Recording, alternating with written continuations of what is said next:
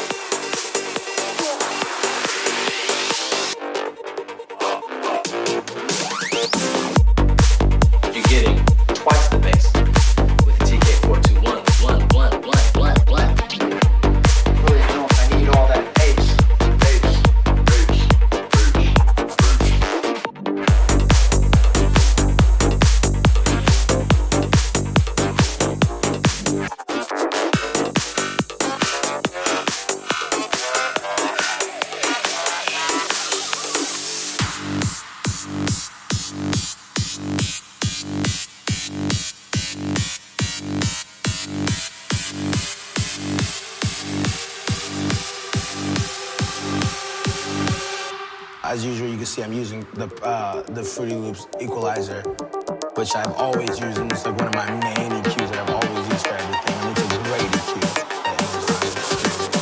The 808 right here, I'm gonna put it on, so you can hear a big difference. So without it would be.